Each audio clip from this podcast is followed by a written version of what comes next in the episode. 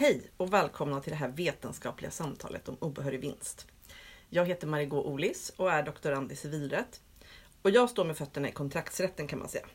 Och jag heter Sara Hovi och är också doktorand i civilrätt men skriver i skadeståndsrätt. Vi ska prata lite om obehörig vinst som ju du skriver om i din avhandling. Ja, precis. Ehm, och som på sätt och vis är aktuellt för alla skadeståndsrättare. Eh, innan vi börjar vill vi bara säga att eh, det här är inte en föreläsning eller en podd där man behöver papper och penna, utan ni kan ta en promenad eller diska eller vad ni nu behöver göra. Mm, precis. Det här är inte ett, vad ska vi säga, ett nybörjarämne utan en del i ett mer vetenskaplig debatt som pågår just nu. Eller hur? Så känner jag också när jag sitter och skriver om det. Hur som helst, nu börjar vi! En sak jag tänkte på Marigå var just på dens titel. Eh, vad menar du egentligen med finns och inte finns? Ja, alltså obehörig vinst finns ju i och med att vi har lagregler och rättsfall om obehörig vinst i Sverige. En lagregel är till exempel 9.7 i föräldrabalken och ett rättsfall är NJA 1993 sidan 13. Samtidigt finns ämnet inte. I Sverige har vi alltid varit skeptiska till obehörig vinst. Så varför pratar vi om det nu då? Därför att det är en möjlighet. Obehörig vinst är ett sätt att resonera och förstå juridiken och civilrätten. Mm, jag fattar. Eh, Men så här då, om tentasvaret börjar med en lång utläggning om obehörig vinst, borde man kanske börja om då? Just så. Och vi sitter ju här tillsammans för att obehörig vinst verkligen befinner sig mitt emellan kontrakt och skadestånd. Ibland ser man det mer som skadestånd och ibland mer som kontrakt. Mm. Jag tänkte att vi kunde börja med en definition eller så. Har du någon sån? Alltså det är ju svårt med en definition på något som inte finns. Men Karlgren försökte sig på en definition och den är ungefär så här. Obehörig vinst är det om Alma gör en vinst på Bahars bekostnad och vinsten är obehörig eller saknar rättsgrund. Alma ska ha gjort en vinst och Bahar en förlust. Och det man tänker sig att man ska sudda ut, det är den här förändringen då och det med obehörig vinst. Okej, men nu sa du ju att Bahar fick en förlust. Varför kan man inte då bara kräva skadestånd för förlusten? Eh, det verkar, det verkar väldigt krångligt med obehörig vinst. Ja, pudeln tjänar direkt hör jag. Ja, det är ju en kritik mot definitionen. Eh, och vi kan prata om det, men får jag först bara ge all kritiken på en gång? Mm, kör. Så, Hellner skrev sin avhandling om obehörig vinst utanför kontraktsförhållanden. Och han var väldigt negativt inställd till obehörig vinst. Inte riktigt lika negativ som han ibland framställs, men ja, han var inte positiv i alla fall. Ja, jag fattar. Han sa till exempel, vad är obehörig och vad är vinst? Och hur hänger de ihop? Alltså kausaliteten. Och hur ska man se på att samma begrepp används om massvis med olika saker? Just det. Alltså som skadeståndsrättare så tänker jag ju att varför ska Behar tjäna pengar på att Alma gjorde någonting som Alma inte fick? Eller liksom, varför ska Bahar få mer än vad hon förlorade? Ja, det är ju sådana frågor som dyker upp. För obehörig vinst används ibland som en grund för talan.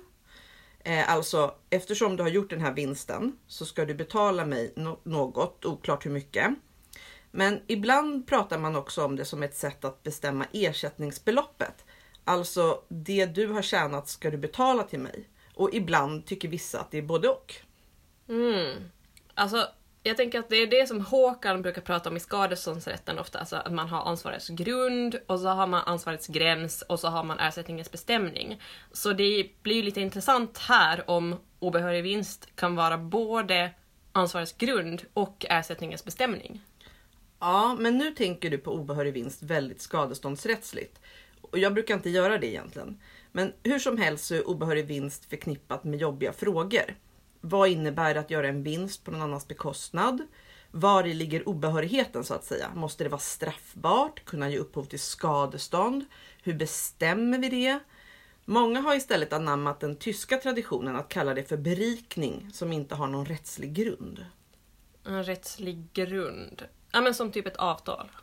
Ja, men den rättsliga grunden skulle kunna vara avtal eller lag eller praxis. Men tanken är att det måste finnas någonting som legitimerar vinsten för att den ska vara okej. Alltså något yttre som godkänner att man gör en vinst på en viss egendom. Nästa fråga är ju vad man menar med vinst. Räcker det till exempel med en utebliven kostnad? Eller är det en vinst att marknadsvärdet ökar? Eller är det nedlagda kostnader på egendomen? Men vänta, du sa ju att det också krävdes en förlust. Eh, alltså kan man inte fokusera på den istället? Förlust är ju mycket lättare att förstå än vinst. Jo, men om vi fokuserar på förlusten, vad ska vi då med obehörig vinst till? Kan vi inte bara lösa det med skadeståndsrätt? Alltså det kanske är en skadeståndsrätt jag skulle säga men... Ja men okej, du tänker att vinsten kanske är större än förlusten. Ja, och i sådana fall vill man kanske inte att motsvarigheten då till skadevållaren ska få behålla vinsten. Kan man tänka sig obehörig vinst utan förlust då? Ja, det kan man, men det beror på vem man frågar. Amerikansk rätt har till exempel en definition på obehörig vinst där man inte uttryckligen har med förlust. I DCFR som ju är europeisk så skriver man att man ska återställa berikningen. Men om berikningen kommer från någon annan så är det svårt att återställa den. Det är en väldigt knepig formulering helt enkelt. Mm. Hur löser man det då? Nej, men det gör man ju inte riktigt. Det beror ju på hur man ser frågan. Ehm, Det man skriver i DCFR är om kausaliteten mellan vinst och förlust. Alltså hur då? Typ om, typ om vinsten är pengar men förlusten är en häst. Ja, eh, exakt så. Men också om förlusten är liten eh, och vinsten är stor eller tvärtom. Just för att om förlusten är stor så är det bättre med skadestånd, eller hur? Precis. Eh, åtminstone då om det inte är ren förmögenhetsskada men ingen har begått ett brott för i så fall måste man ju titta på den här utvidgningen av 2.2 i SKL. Ehm, det kan ju också vara svåra kausalitetssamband eller att det inte är adekvat eller att eh, någon annan förutsättning för skadestånd brister helt enkelt. Ja, fast frågan om svåra kausalitetssamband och sånt som inte är adekvat, det har man inte löst bara för att det handlar om obehörig vinst. Liksom. Det måste man nog säga att forskningen i skadeståndsrätten har kommit betydligt längre. Det blir ett till kapitel i din bok helt enkelt. Eh, Okej, men om jag sammanfattar lite nu. Om förlusten är stor vill man hellre ha skadestånd. Och det är oklart om det krävs både en vinst och en förlust för att man ska kunna få ersättning för obehörig vinst. Ja, Men du sa också att det är oklart vad som är vinst. Och då fattar jag det som att det är lite skillnaden mellan att undvika en utgift och få en riktig vinst. Ja, man kan ju tänka sig att man inte gör någon vinst alls. Man har bara inga utgifter. Jag brukar ta som exempel att man bor i ett uthyrningsrum hos släktingar med eget kök. Men eftersom du har glömt att köpa mjölk så lånar eller tar du lite mjölk från släktingarna när de inte är hemma. Om du gör det här tillräckligt länge så blir det en liter mjölk. Det är en liter mjölk som du inte har behövt köpa, men som dina släktingar har köpt och så att säga behöver köpa igen. För du har ju druckit upp deras mjölk. Är inte det en vinst? Jo, men jag har ju inte fått mer pengar. Nej. Och det finns några rättsfall på det här temat som man brukar säga handlar om obehörig vinst. NJA 1993 sidan 13 och NJA 2007 sidan 519. Och ingen behöver skriva upp de här numren, de ligger på studentportalen. Vad handlar de om då? I båda fallen var det fråga om hyreskontrakt där hyresgästen inte betalade för hyran. I 2007 års fall så hade ett bolag gått i konkurs. Konkursförvaltaren lät bolaget vara kvar i de gamla lokalerna och avsluta sin verksamhet därifrån. Och på den här tiden så saknades det en bestämmelse i konkurslagen om att konkursförvaltaren var tvungen att betala hyra för den lokal som konkursförvaltaren använde. Och därför fanns det inte någon skyldighet för konkursförvaltaren att betala hyra i just de här fallen. Och i det här fallet så fanns det inget avtal mellan konkursboet och hyresvärden. Alltså inget nytt avtal som gällde efter konkursen. Så konkursförvaltaren var inte tvungen att betala hyra och gjorde inte det, men använde lokalen i två månader. Mm, det fallet har Håkan ju skrivit en massa om. Alltså hur man än vänder och vrider på det så finns det väl ingen regelrätt vinst för konkursboet? Nej, eh, inte egentligen, utan det var ju mer en undviken kostnad. Och HD sa så här. Genom att nyttja lokalen efter det att hyresrätten upphört har konkursboet undandragit hyresvärden möjligheten att själv använda lokalen. Vad var det vad som var viktigt då? Att någon annan nyttjade lokalen eller att hyresvärden själv inte kunde vara i lokalen? Ja, det vet man ju inte riktigt. Alltså, eh, Håkan säger att i det här fallet så var det spegelbilder av varandra, så typ samma sak. HD säger inte så mycket utan konstaterar endast att ersättningsskyldighet i ett sådant fall uppkommer oberoende av avtalsförpliktelse och förutsätter inte heller att skadan har vållats genom brott. Just.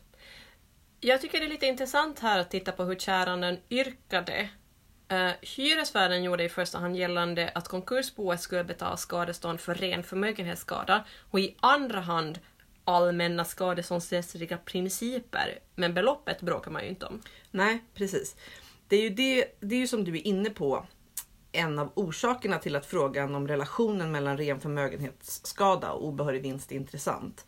I vanliga fall erkänns inte obehörig vinst av svenska domstolar och förarbetena till skadeståndslagen säger att man inte ska läsa paragrafen om ren förmögenhetsskada i contrario.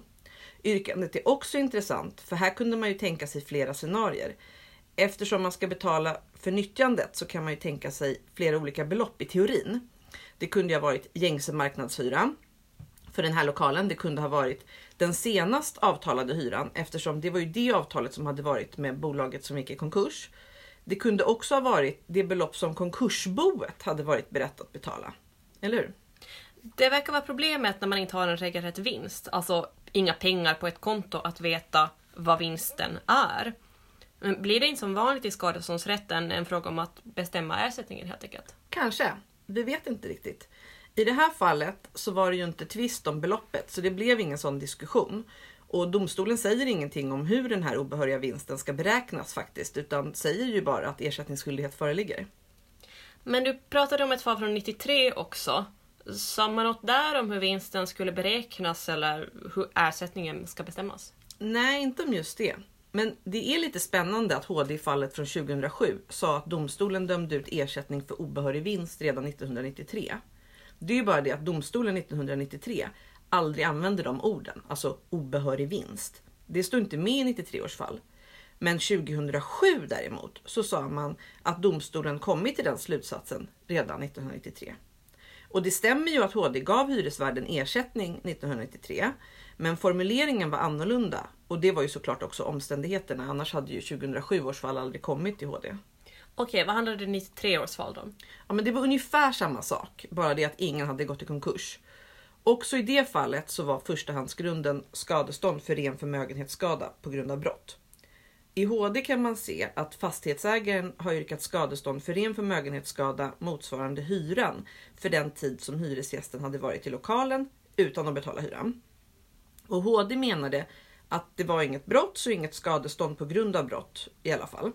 Men sen med hjälp av lite processrättsliga regler så utredde HD om hyresgästen ändå skulle kunna bli skyldig att betala skadestånd och konstaterar bara Hyresgästen har utan stöd i något avtal med fastighetsägaren nyttjat dennes lokaler. Hyresgästen har därmed ådragit sig skyldighet att ersätta hyresvärden motsvarande skälig hyra för lokalerna. Så HD sa ingenting om undantagarna i det fallet? Nej. Och ingenting om obehörig vinst? Nej. Men HD gjorde hänvisningar till Hellners bok i skadeståndsrätt och till Agell som i en festskrift i Hellner skriver om just det här och hänvisar till Hellners avhandling om obehörig vinst. Så man kanske kan räkna ut att HD menar obehörig vinst genom hänvisningarna. Men det står inte. Istället så har HD formulerat det som en regel som ser ut ungefär så här. A och B har inget avtal. A använder Bs lokaler. A har skyldighet att ersätta B för nyttjandet av lokalen med skälig hyra. Mm, Okej, okay. men om man testar att göra typ en allmän obehörig vinstregel av det. Typ så här. Eh, A och B har inget avtal. A använder Bs egendom. A har skyldighet att ersätta B för nyttjande med skälig hyra. Ja, absolut. Men det blir ju direkt svårt, eller hur? För varför ska det vara hyran som ersätts när vi har ett ting, en sak? Det skulle ju kunna vara vinsten eller nyanskaffningskostnaden eller genomsnittskostnaden. Eller ja, du fattar. Det är svårare. Det är knepigt. Hellner skriver i sin avhandling om det här och föreslår en regel om obehörigt nyttjande som är typ så här. Om en person obehörigt nyttjar en annan persons egendom så får man betala ersättning för det.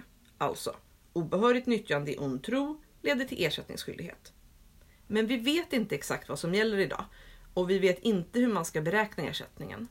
För egentligen vet vi ju inte ens hur man beräknade ersättningen i de två rättsfall som vi har. För frågan om beloppen var ju aldrig i fokus. Just det, men då tänker jag mer skadeståndsrättsligt. Skulle man inte kunna komma åt det här på skadeståndsrättslig väg? Alltså jag tänker till exempel på Max och Frasse-målet som är NIA 2005 sid 608. Hur tänker du då? Jo men alltså när Max och Frasse i målet kommer till domstolen så har vi bara haft 93 års fall, eller hur? Ja. Okej, Max och Frasse-målet var ungefär så här. Max och Frasse är konkurrenter. De serverar båda snabbmat, i det här fallet hamburgare. Så Max hade haft sin hamburgerrestaurang på samma ställe i Luleå i jättemånga år. Men nu hade Max hittat en ny lokal som var mer central och bättre för en restaurang, nämligen McDonalds gamla lokaler, och skulle därför flytta från sin gamla lokal. Den gamla Max-lokalen skulle alltså överlåtas och direkt ville ju Frasses ha den. Men Max vill inte att Frasse skulle få köpa hyreskontraktet. Max resonerade typ så här. Människor är vanedjur och därför kommer det att ta ett tag innan folk börjar gå till den nya Max-restaurangen. Under tiden kommer, det, kommer de att gå dit de alltid har gått, det vill säga till Frasses i den gamla Max-lokalen istället för att gå till den nya Max-restaurangen. Okej, så då sålde de inte kontraktet till Frasses? Nej, istället överlåt, eh, överlät Max kontraktet till ett bolag som heter Lotsbåten och som skulle ha typ ett galleri och kaféverksamhet i lokalen. Men här blir det lite komplicerat så det är värt att kolla på rättsfallet.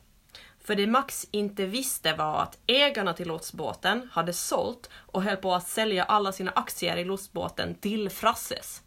Okej, så Frasses ägde hela bolaget som hade hyreskontraktet? Ja, och simsalabim så låg Frasses i Max gamla lokaler.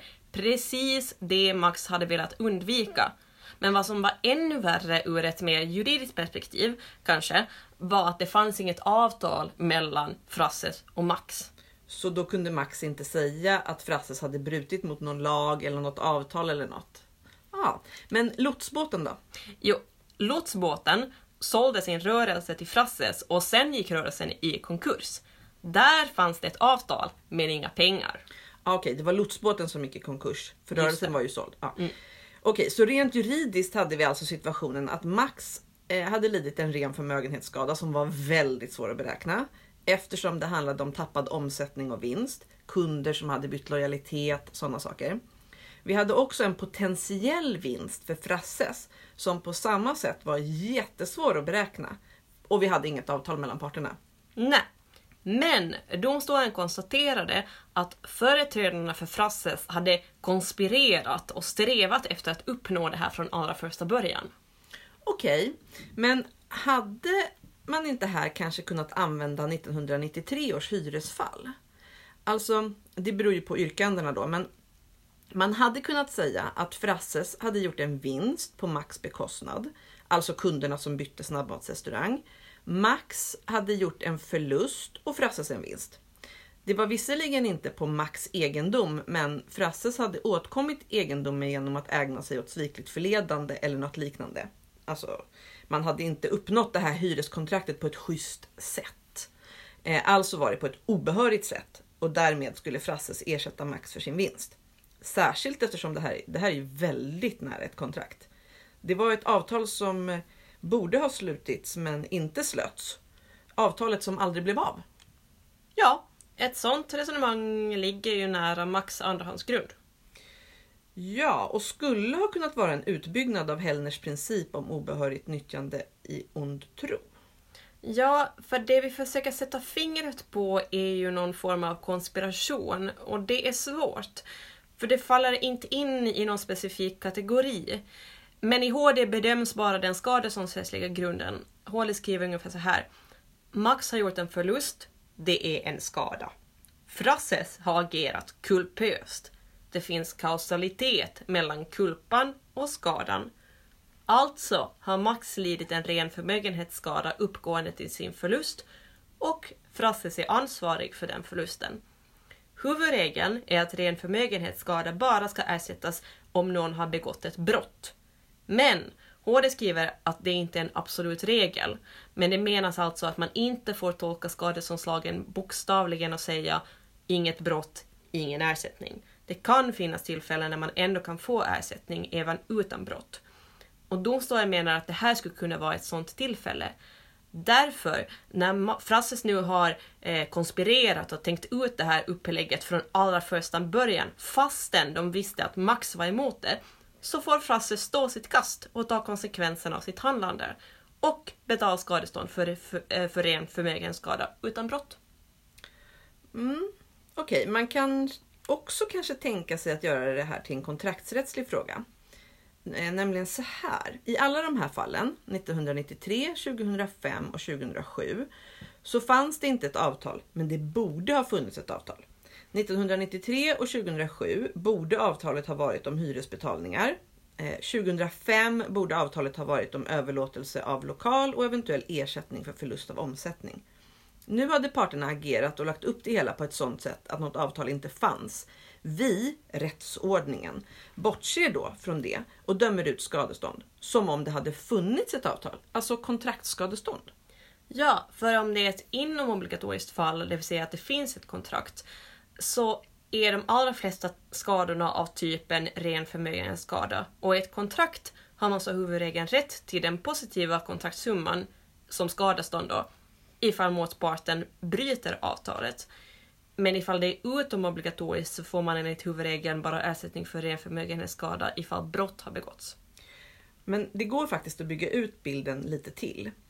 Det finns två rättsfall till som brukar diskuteras när man pratar om ersättning för ren förmögenhetsskada utan brott. Och de jag tänker på är ju då NJA 1987 sidan 692, Kone Invest. Och ett fall från 2001 som vi pratar om alldeles strax.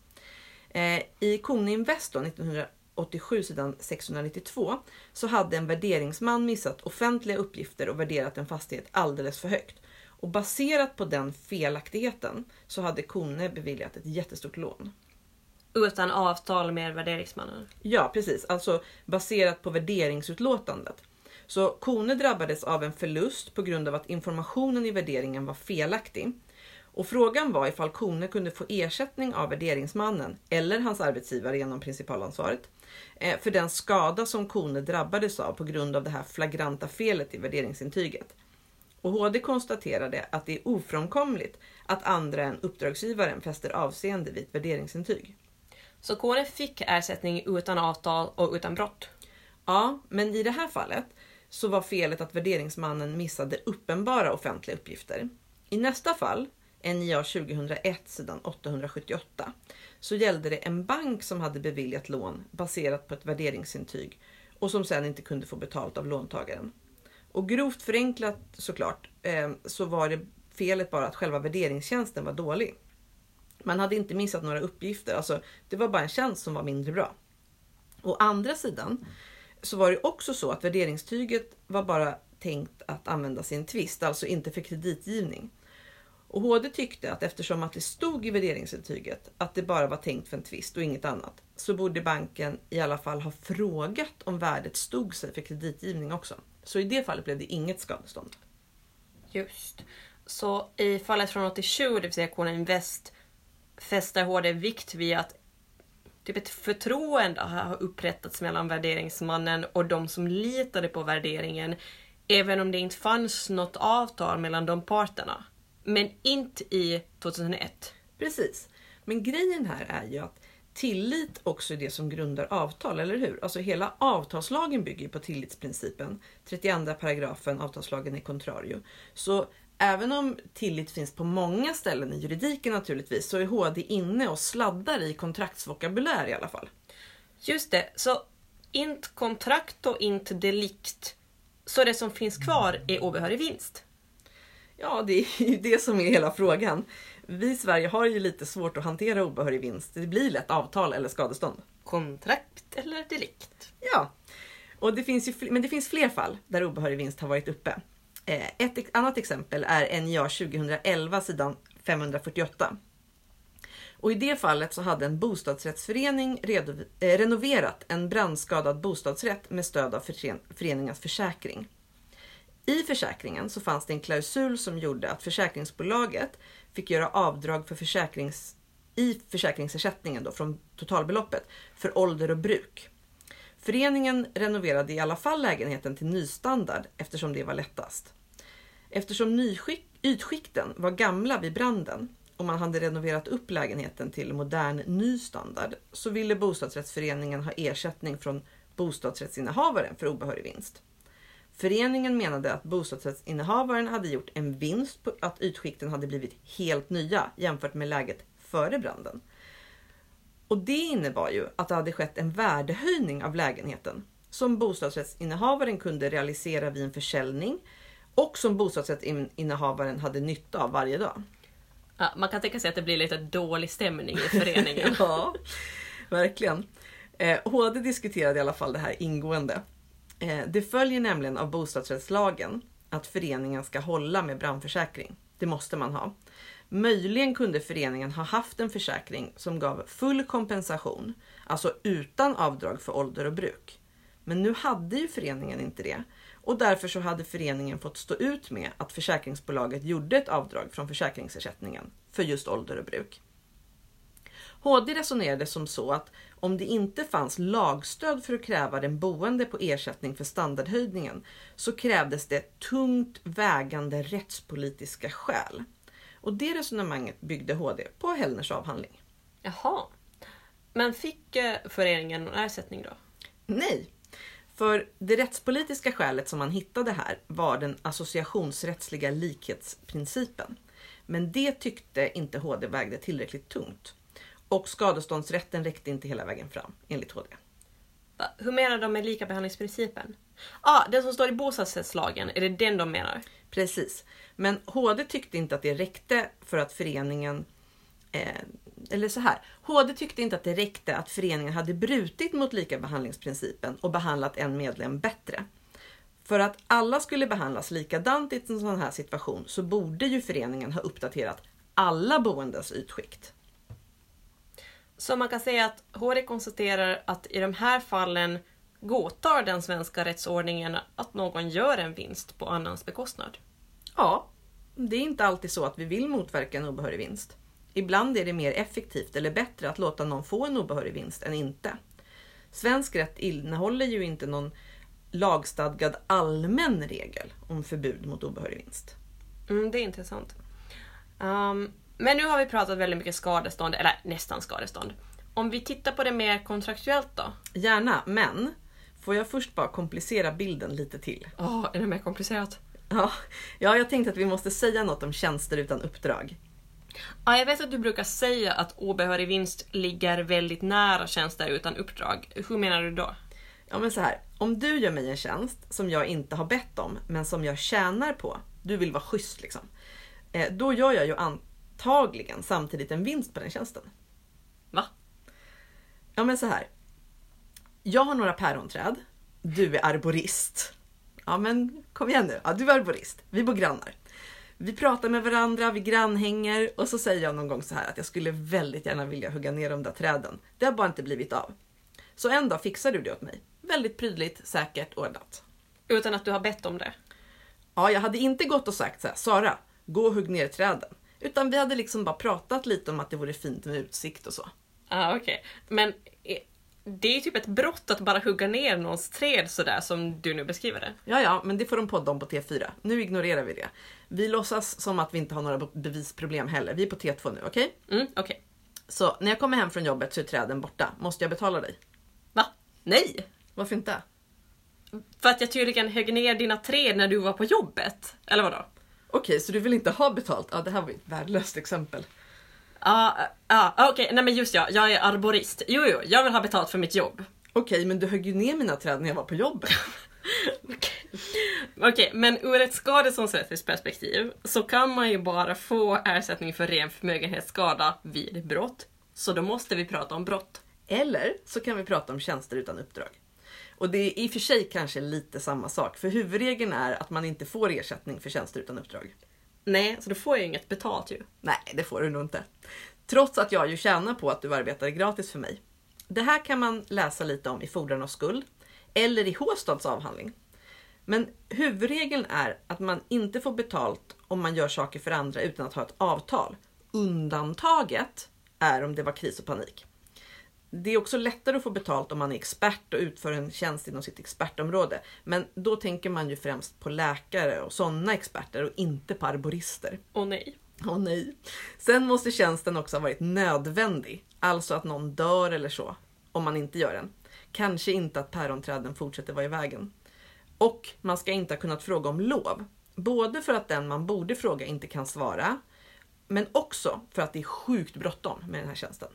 Okej, så tjänst utan uppdrag är typ jättesvårt att få betalt för. Ja, och det här har ju med avtalsfriheten att göra. Det är ju jag som ska få binda mig vid olika förpliktelser, inte du. Och Håstad skriver i sin avhandling att förpliktelser uppkommer i princip endast genom frivilliga utfästelser eller oaktsam skadegörelse. Krav stödda på annan grund uppfattas i förstone som verkningslösa. Ah, ja, så det han säger där är att om man får betalt för tjänster utan uppdrag så är det ett brott mot avtalsfriheten. Ja, Fast du har ju fått något gratis av mig. ja, Så då är din vinst okej i det fallet. ja, ja, så måste det bli. Men ska vi gå tillbaka till det mer kontraktsrättsliga fallet? Yes. Okej, vi börjar i köprätten. Ibland så finns det som ska lämnas tillbaka vid till exempel en hävning inte kvar. Och det här kan man ju då se i 64, 65 och 66 paragrafen i köplagen. I 66 paragrafen andra stycket tredje punkten närmare bestämt. Och där står det i alla fall sammantaget då att man måste kunna lämna tillbaka varan för att kunna få häva. Men att ibland så får man häva utan att kunna lämna tillbaka varan. Nämligen om man som det då sägs i 66 paragrafen andra stycket tredje punkten har sålt varan vidare i sin normala verksamhet. Här skulle man kunna tänka sig att liksom fylla i mellanrummet med 65 paragrafen köplagen som säger att man ska utge ersättning för nytta i skälig omfattning. Mm, men i 65 står det bara att man ska få ersättning i skälig omfattning. Ja, och det vet vi ju inte riktigt hur vi ska hantera. Inget av det här. Det finns ju inga rättsfall på det här. Vissa tycker att det här kan tolkas som en obehörig vinstregel och andra inte. Kanske kan man beräkna värdet av egendomen med hjälp av en då eventuell obehörig vinst. I sådana fall, i sådana fall så skulle obehörig vinst användas som ett hjälpmedel för att bestämma värdeersättningen för varan som inte kan lämnas tillbaka. Så att man tänker sig att varan är värd det som köparen har fått betalt för den när köparen sålde varan vidare. Men alltså allt det här faller in i kategorin kreativ juridik. Men finns det något stöd för det då? Ja, men det kanske finns det faktiskt i SISK och i vissa litteraturuttalanden. Det skulle i sådana fall vara ett sätt att använda obehörig vinst inom kontraktsrätten. Och till skillnad från det vi talade om förut som var hur man kan använda obehörig vinst inom skadeståndsrätten. Okej. Men finns det någon tydlig lagregel om obehörig vinst i svensk rätt då? Alltså egentligen ingen jättetydlig, men man måste ändå nämna 9.7 föräldrabalken och 18.3 handelsbalken. Och bestämmelsen i föräldrabalken handlar om avtal som har ingåtts av omyndiga personer. Och ifall en omyndig ingår ett avtal så är det avtalet inte giltigt. Alltså en underårig person har inte rättskapacitet och ett sådant avtal blir ogiltigt. Vad säger de här bestämmelserna då? Alltså vad är det som gör dem till obehörig vinstregler? Det är nyttan. Nyttan är kod, kodordet. Huvudregeln är som i köplagen att prestationerna ska återgå. Men enligt andra meningen i 9.7 föräldrabalken så har en underårig ingen skyldighet att lämna tillbaka annat än vad man haft nytta av. Ordet nytta är ofta ett tecken på obehörig vinst i Sverige. Men inte alltid, för det skulle vara alldeles för lätt. Men det kom väl ett rättsfall förra året, NJA 2019 sid 23? Mm. Den betalande sambon. Som också handlade om obehörig vinst lite grann. Åtminstone i minoriteten va? Ja, och i det fallet så hade två personer varit sambos i fem år. Och tydligen hade kvinnan inte särskilt god ekonomi. Och parterna kom överens om att de skulle dela på löpande utgifter och att vardera sambon skulle betala för sitt boende. Men sen bodde de i kvinnans fastighet. Och mannen investerar ungefär 210 000 kronor i den här fastigheten, kvinnans fastighet, där de båda bor. Han bygger ut, installerar en kamin, han bygger en bod och så håller han på så. Ja. Och sen betalar han 40 000 kronor när kvinnan köper en ny bil. Så totalt sett har han lagt ut 250 000. Sen tar det slut. Frågan i HD var, var det ett lån, en gåva eller obehörig vinst? Och alla de här frågorna är intressanta men vi koncentrerar oss på obehörig vinst nu. Men majoriteten i HD kom fram till att det inte var obehörig vinst va? Precis. För mot den betalande sambons krav på pengarna tillbaka så står ju den fattigare sambons avtalsfrihet. För hon hade aldrig haft råd att göra de här investeringarna, varken i bil eller hus. Och det är otvistigt. Så om HD, som minoriteten gör, hade gett den betalande sambon rätt till ersättning så hade man berövat den fattigare sambon sin avtalsfrihet. För om hon hade fått valet att investera eller inte investera så hade hon sagt nej. Och de hade ju kunnat skriva ett avtal. Så är det med att det är en avvägning. Alltså, eh, jag tänkte faktiskt när jag läste fallet att det kanske var förutsättningsläran. Ja, jag också. För han trodde att han skulle få bo kvar och så fick han inte det. Eh, när det tog slut då. Men ska det verkligen påverka frågan om den fattigare sambon har gjort en obehörig vinst? Alltså självklart inte tycker jag. Ja, Han hade kunnat skriva ett skuldebrev. E- Eller kräva att få bli delägare i fastigheten. Ja, och det framgår att de pratar om investeringarna i förväg. Så då hade de ju faktiskt kunnat prata lite om hur hon skulle ersätta honom ifall det nu var vad han ville. Men det är så oromantiskt. Ja, ja, men romantik, herregud. Nu snackar vi om pengar här. Minoriteten, de däremot, ville att den betalande sambon skulle få ersättning. Minoriteten menade att det inte var normala bidrag till hushållet. Och det fanns inget avtal och den fattigare sambon skulle få nytta av investeringarna. Och hon hade heller inte motsatt sig att de utfördes. Men du, smaka på den. Man får inte ingå avtal frivilligt utan man måste motsätta sig investeringar i sin egendom. Så minoriteten menar att hon gör en vinst i alla fall. Alltså du gillar inte minoritetens domkällare. Nej, men jag tycker att de går alldeles för fort fram. Och jag tycker att det finns bättre sätt än sambolagen att få in obehörig vinst på i svensk rätt, om det är det man vill. Och sen har vi ju den här frågan om vinst. Ja, jag tänkte på det. Alltså minoriteten här menar att en vinst kan vara nedlagda kostnader. Men så brukar vi inte använda liksom reparationen i skadeståndsrätten.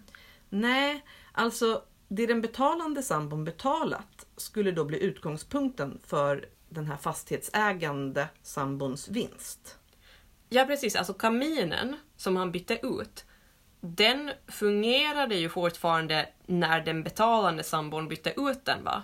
Alltså var den investeringen verkligen en vinst? Se nu, först hade hon, alltså den eh, mindre bemedlade sambon, först hade hon en fungerande kamin och sen hade hon en fungerande kamin som var ny.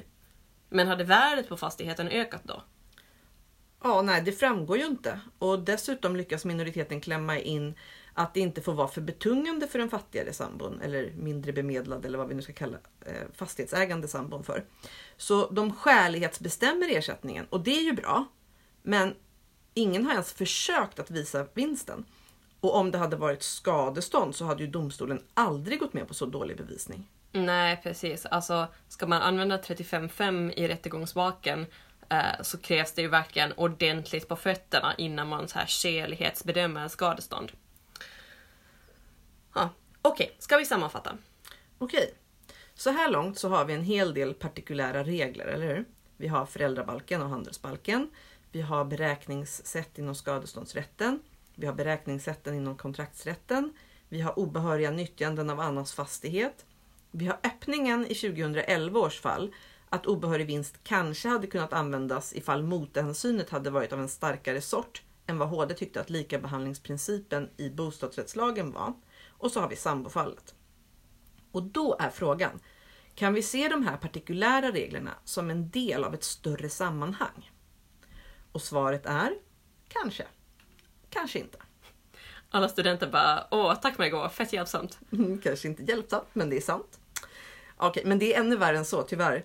För dessutom är gränsen mellan obehörig vinst och kontrakt och obehörig vinst och skadestånd flytande, för det beror lite på hur man ser det. Ja, jag tycker självklart att det är väldigt likt skadeståndsrätt va? Ja, det är det. Och det är väldigt likt kontrakt. Men ibland är vi precis i mitten. Och då måste vi välja mellan att låta någon tjäna pengar på annans egendom eller tjänst utan något stöd vare sig i lag eller avtal eller på någon annat behörigt sätt. Eller att låta vinstersättning utgå.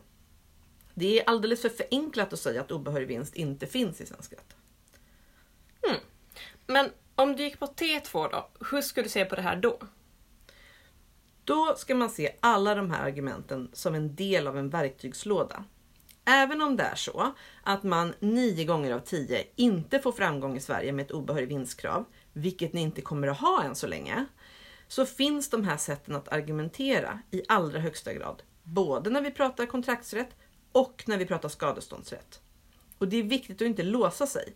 Så svaret på frågan om obehörig vinst som en så kallad allmän princip, om det existerar i svensk rätt, det är att jag faktiskt inte vet. Jag tror egentligen att svaret är att obehörig vinst finns om vi vill att det ska finnas.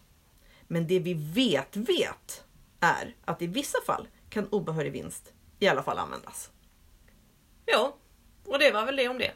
Ja, hej då hörni! Hej då!